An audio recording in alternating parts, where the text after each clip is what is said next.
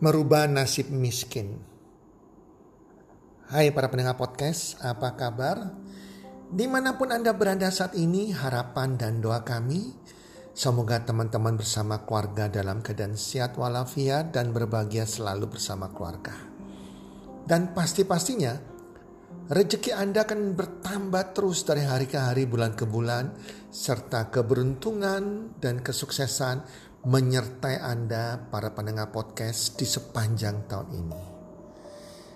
Para pendengar podcast, di podcast kali ini saya akan sharingkan tentang merubah nasib miskin. Kalau saya mengatakan miskin adalah tolak ukurnya adalah di mana penghasilan Anda itu lebih kecil daripada pengeluaran bulanan Anda plus hutang. Atau bahkan penghasilan Anda lebih kecil dari hutang Anda. Atau juga aset Anda lebih kecil dari hutang Anda. Atau hutang Anda lebih besar dari aset Anda. Saya pernah dalam posisi miskin teman-teman seorang pengusaha yang jatuh miskin, bangkrut, bahkan minus. Saya pernah dalam posisi itu sampai kemudian saya sadar saya harus merubah nasib miskin saya untuk keluar dari kemiskinan ini dan banyak hal saya pelajari dan ternyata saya mendapatkan bahwa mindset kita itu harus benar. Kaya miskin, semua tergantung dari mindset Anda, dari pikiran Anda, dari pola pikir kita. Dan Tuhan tidak menciptakan seseorang untuk menjadi miskin. Rencana Tuhan pada setiap manusia, ciptaan yang tertinggi adalah selalu sehat selalu, kaya dan berbahagia. Kemiskinan bukan hal yang diciptakan Tuhan, tapi itu iblis yang menciptakan yang bekerja lewat mindset kita. Jadi kalau kita mau merubah nasib kita, merubah nasib miskin kita yang pertama adalah mindset kita harus benar. Kita harus memiliki mindset kaya. Di mana dalam posisi Anda hari ini, walaupun lagi miskin, apakah Anda percaya dan yakin dengan sungguh-sungguh bahwa Anda akan jadi orang kaya? Anda percaya tidak bahwa nasib Anda akan berubah, Anda akan jadi orang sukses, akan jadi orang kaya, akan bebas keuangan. Nah, di sini pentingnya, kalau kita tidak yakin dan percaya di pikiran kita selalu bertanya apa bisa ya saya saya jadi orang kaya? Apa bisa nggak saya keluar dari kemiskinan? Maka apa yang anda percaya itu itu akan menjadi kenyataan. Kalau anda percaya bahwa anda tidak bisa jadi orang kaya maka itu yang terjadi. Nah kalau kita percaya bahwa kita akan bisa jadi orang kaya bahwa saya akan jadi orang sukses, saya pasti sukses, saya sudah sukses, saya sudah kaya, saya sudah bebas keuangan, maka itu akan terjadi teman-teman. Kalau mindset kita sudah benar, maka apa yang kita katakan setiap hari, yang keluar dari kata-kata yang keluar dari lidah bibir kita, yang merupakan doa yang tanpa kita sadari teman-teman ya, itu kata-kata yang positif bahwa saya adalah orang kaya. Saya sudah bebas keuangan. Itu harus kita sengaja ucapkan. Yang disebut afirmasi setiap pagi, setiap saat, setiap malam pada waktu kita mau tidur. Nah, teman-teman, kalau kita pikiran kita sudah benar, ucapan kita juga sudah benar yang positif, maka itu semua akan nampak dalam sikap kita, perilaku kita sehari-hari. Kita akan dengan tegap perilaku yang percaya diri, walaupun situasi kita masih belum berubah, masih miskin. Tetapi kalau mindset kita sudah salah, bukan mindset orang kaya, maka perilaku kita tampak adalah perilaku yang minder, yang tidak percaya diri teman-teman. Ini yang yang yang akan menjadikan kita tetap miskin. Saya pernah di posisi ini teman-teman. Sehingga saat ini kalau saya melihat seseorang walaupun dia miskin tetapi dia dengan percaya diri yang kuat, dengan sikap yang pede, saya percaya mindsetnya sudah benar. Dan keberuntungan akan menyertai dia. Tinggal waktunya. Tetapi kalau sudah miskin, maaf kata, terus sikap dirinya nggak pede, nggak percaya diri, minder, ngomong saja takut-takut, ya, ketemu orang juga takut. Wow, itu dari mindset tidak benar, mindset yang salah, pola pikir yang salah. Maka saya sudah bisa meramalkan walaupun saya bukan tukang ramal. Orang ini sampai tua tidak akan bisa keluar dari kemiskinan. Hidupnya tetap tidak berubah, bahkan lebih parah. Yang kedua, kalau mindset sudah benar, kita harus mengubah kosa kata kita, mengubah kata-kata yang keluar dari lidah bibir kita. Karena kata-kata ini adalah doa. Ucapan itu adalah doa. Ubah kata-kata kita yang bisa membuat kita jadi uh, bermasalah. Kita jadi tidak keluar dari kemiskinan. Contohnya, ya contohnya ya. Setiap orang pasti punya yang namanya masalah problem. Nah, kalau kita lagi punya masalah, jangan sering terus-menerus menceritakan masalah Anda kepada setiap orang Anda temui. Jadi kalau Anda sering bercerita, oh saya punya masalah begini loh. Ketemu siapa lagi besok ceritakan masalah lagi Anda, Anda curhat lagi. Maka ini akan jadi doa Anda. Anda tidak akan keluar dari persoalan Anda masalah akan makin besar, akan makin menghampiri, akan menjadi sahabat Anda. Karena itu yang Anda doakan, yang Anda harapkan tanpa ada sadari dari ucapan kata-kata Anda. Contoh lagi misalnya, ada sesuatu Anda sering bilang, oh saya nggak bisa. Dikasih ide Anda responnya, oh nggak bisa. Dikasih kerjaan katanya nggak bisa. Disuruh belajar nggak bisa. Dikasih peluang bilang juga nggak bisa tanpa mau mencoba. Maka itu adalah kata-kata kemiskinan. Anda tidak bisa merubah nasib miskin Anda kalau demikian. Atau Anda sering katakan tanpa sadar, oh saya nggak punya uang. Apa pun keadaan Anda hari ini, kita nggak punya uang. Jangan mengatakan saya nggak punya uang. Nanti tambah nggak punya uang. Semakin Anda mengatakan itu, maka uang akan lari dari Anda, menjauh dari Anda. Jadi kalau selalu berkata-kata tidak punya uang, maka secara tidak langsung kita sudah memprogram masa depan kita menjadi orang yang kekurangan uang, yang selalu kehabisan uang. Kita nggak bisa pegang uang. Kalau kita punya uang ya pasti habis. Karena kita selalu mengatakan tidak punya uang.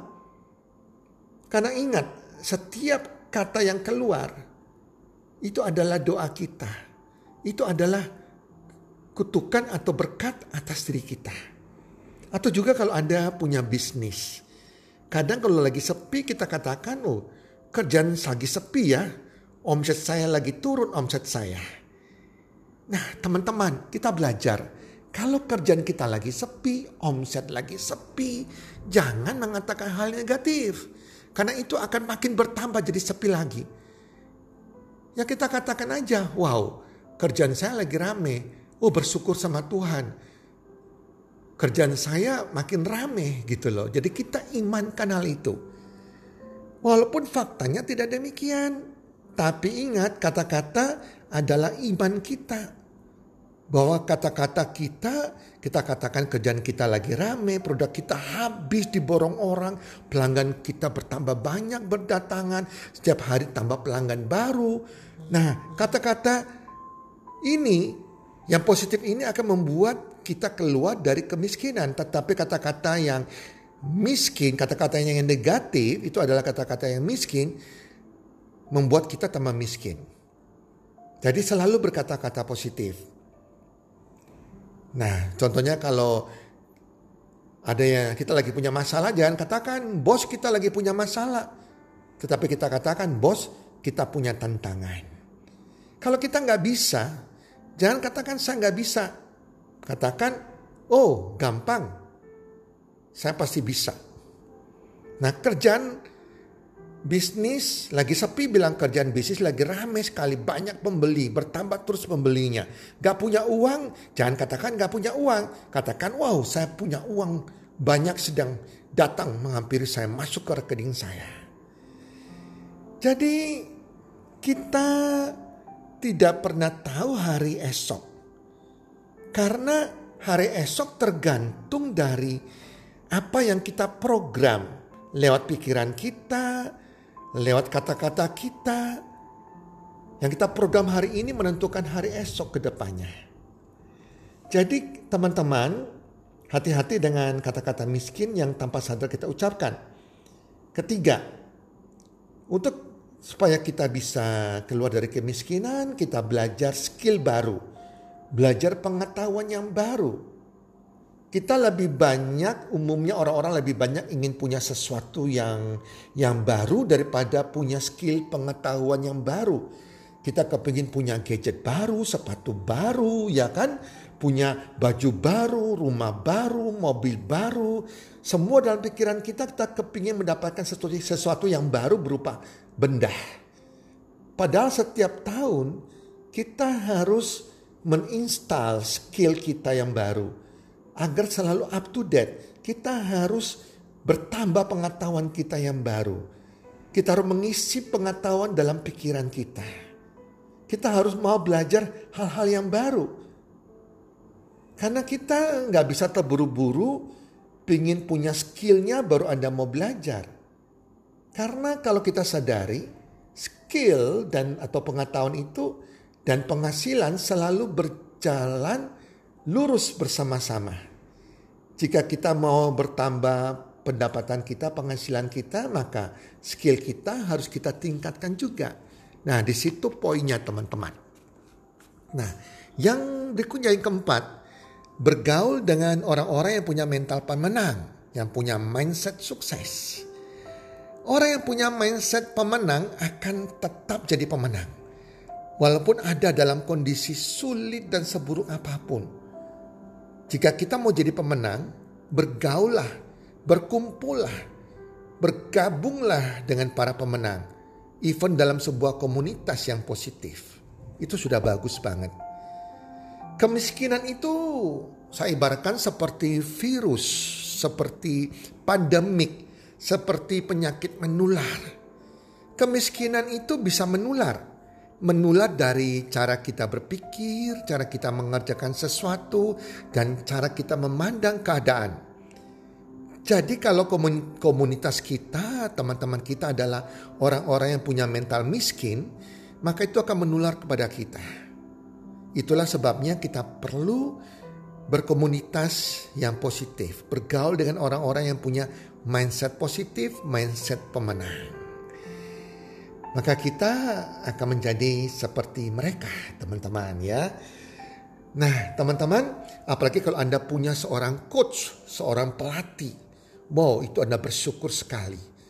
Selalu kumpul ya, selalu belajar dari mentor Anda, coach Anda. Yang kelima harus menyisikan penghasilan Anda, pendapatan Anda. Jika orang miskin punya uang, apa yang mereka lakukan teman-teman? Mereka akan belanja gila-gilaan.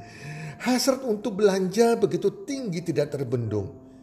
Jika mereka punya uang atau penghasilan mereka bertambah, mereka akan belanjanya pada lifestyle dan hobi yang makin bertambah juga.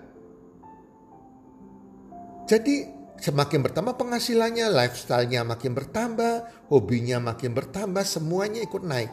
Sehingga tidak ada penghasilan yang bisa disisihkan.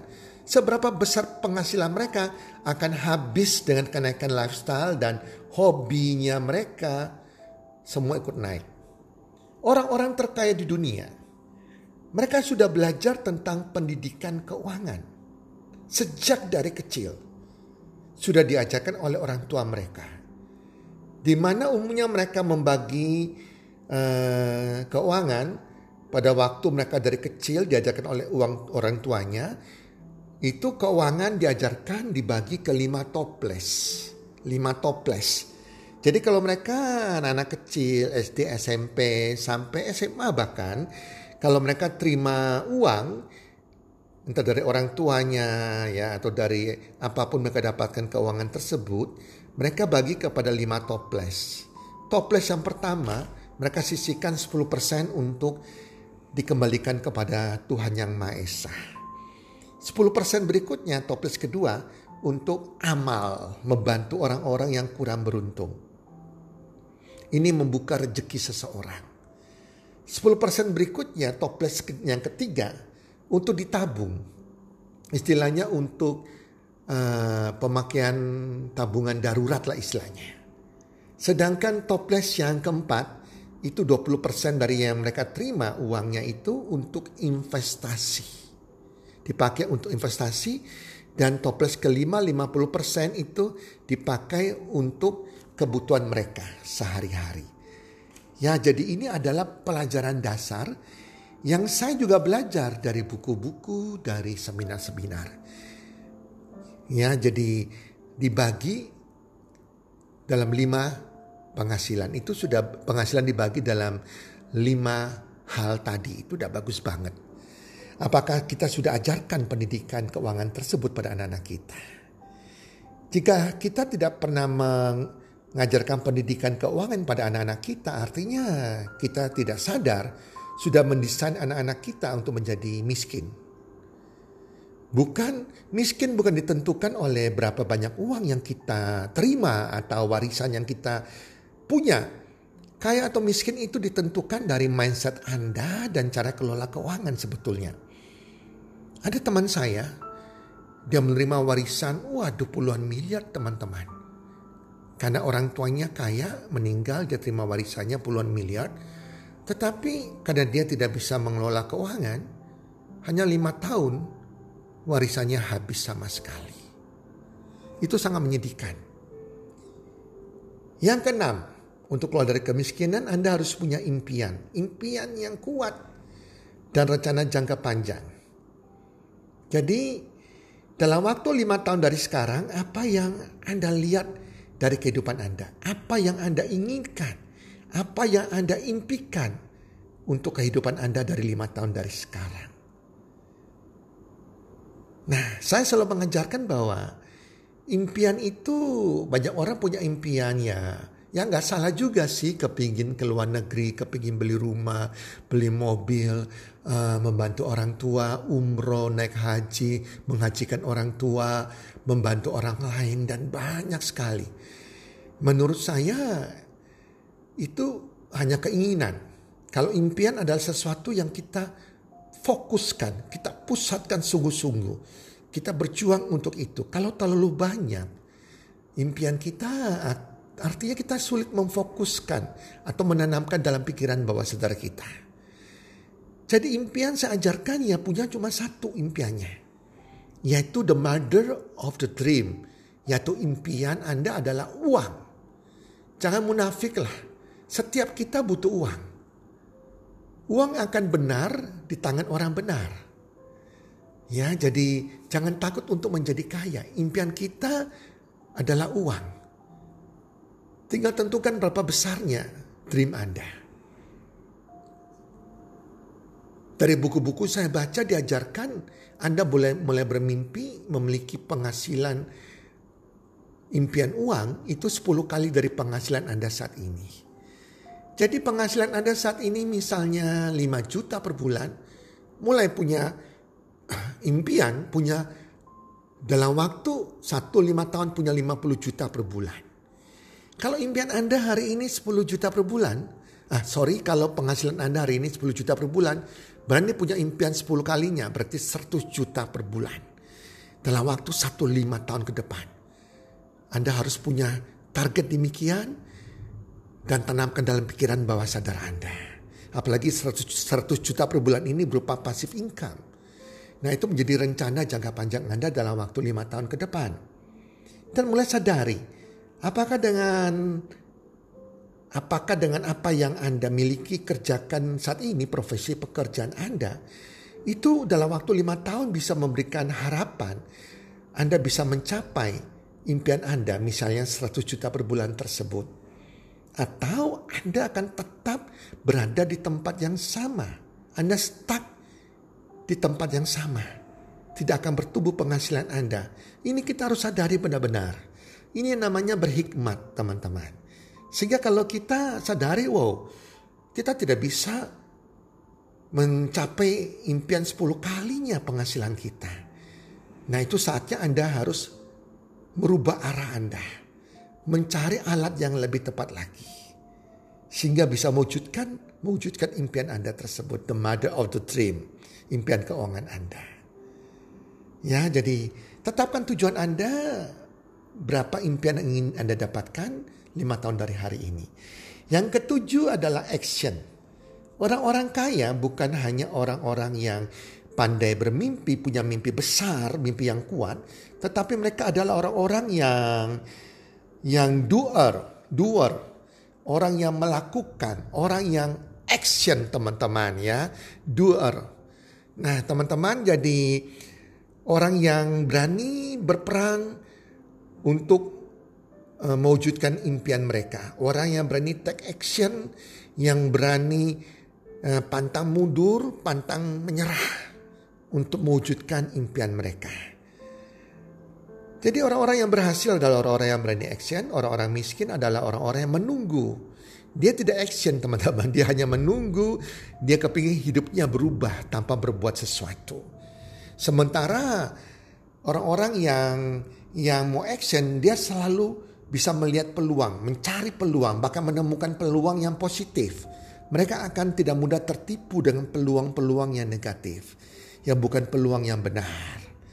Jadi peluang tidak pernah menunggu kita teman-teman ya, kadang dia lewat di depan kita. Sukses adalah kesiapan kali peluang. Kalau kita sudah siap secara mindset, secara pribadi kita, karakter kita, begitu peluang lewat, peluang yang benar lewat kita akan ambil. Peluang yang negatif yang tidak benar lewat kita akan menolaknya. Jadi sukses adalah kesiapan kali peluang. Teman-teman, yang kedelapan, berdoa dengan syukur dan iman. Jadi orang-orang yang keluar dari kemiskinan, yang bisa keluar dari kemiskinan, adalah orang-orang yang dekat hubungannya dengan Tuhan. Dan apa pun keadaan mereka hari ini, dalam keadaan mungkin masih miskin, masih kekurangan, mereka selalu terima kasih kepada Tuhan. Mereka selalu berdoa dengan ucapan syukur. Mereka tidak pernah mengeluh atau mengumpat menyalahkan Tuhan. Tidak sama sekali. Mereka akan terima kasih Tuhan atas segala berkatmu.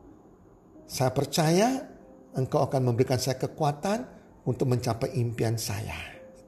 Dan mereka selalu punya iman bahwa mereka bisa mewujudkan impian mereka bersama Tuhan. Contohnya impian mereka 100 juta per bulan pasif income. Dan kemudian hari-hari yang mereka lewati, walaupun mereka masih dalam keadaan kekurangan, mereka ciptakan perasaan bahagia, sukacita, dan merasa bahwa mereka sudah memiliki penghasilan tersebut sudah berada di masa depan mereka walaupun keadaannya masih belum demikian. Mereka rasakan kegembiraan itu. Itu yang namanya iman. Itu yang akan membuat mereka makin bertambah rezekinya dari hari ke hari. Para pendengar podcast, itulah sering saya hari ini bagaimana agar kita semua ya atau orang-orang lain yang yang belum sebagai pendengar podcast kita, kita bisa bagikan podcast ini agar bisa merubah nasib miskin orang-orang lain. Semoga materi podcast ini merubah nasib miskin bisa menjadi berkat bagi Anda semua dan bagi orang lain yang belum mendengarkan podcast kita. Salam sukses, one, two, three.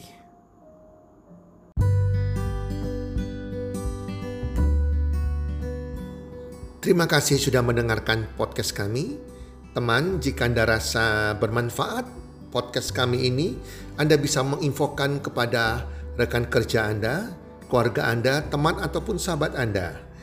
Dan jika ada hal-hal yang Anda ingin tanyakan kepada kami ataupun topik-topik apa yang Anda ingin kami bawakan, kami sampaikan, Anda bisa DM kami di Instagram kami healthcommunity.id. Salam one two three, salam sehat, sejahtera dan bahagia.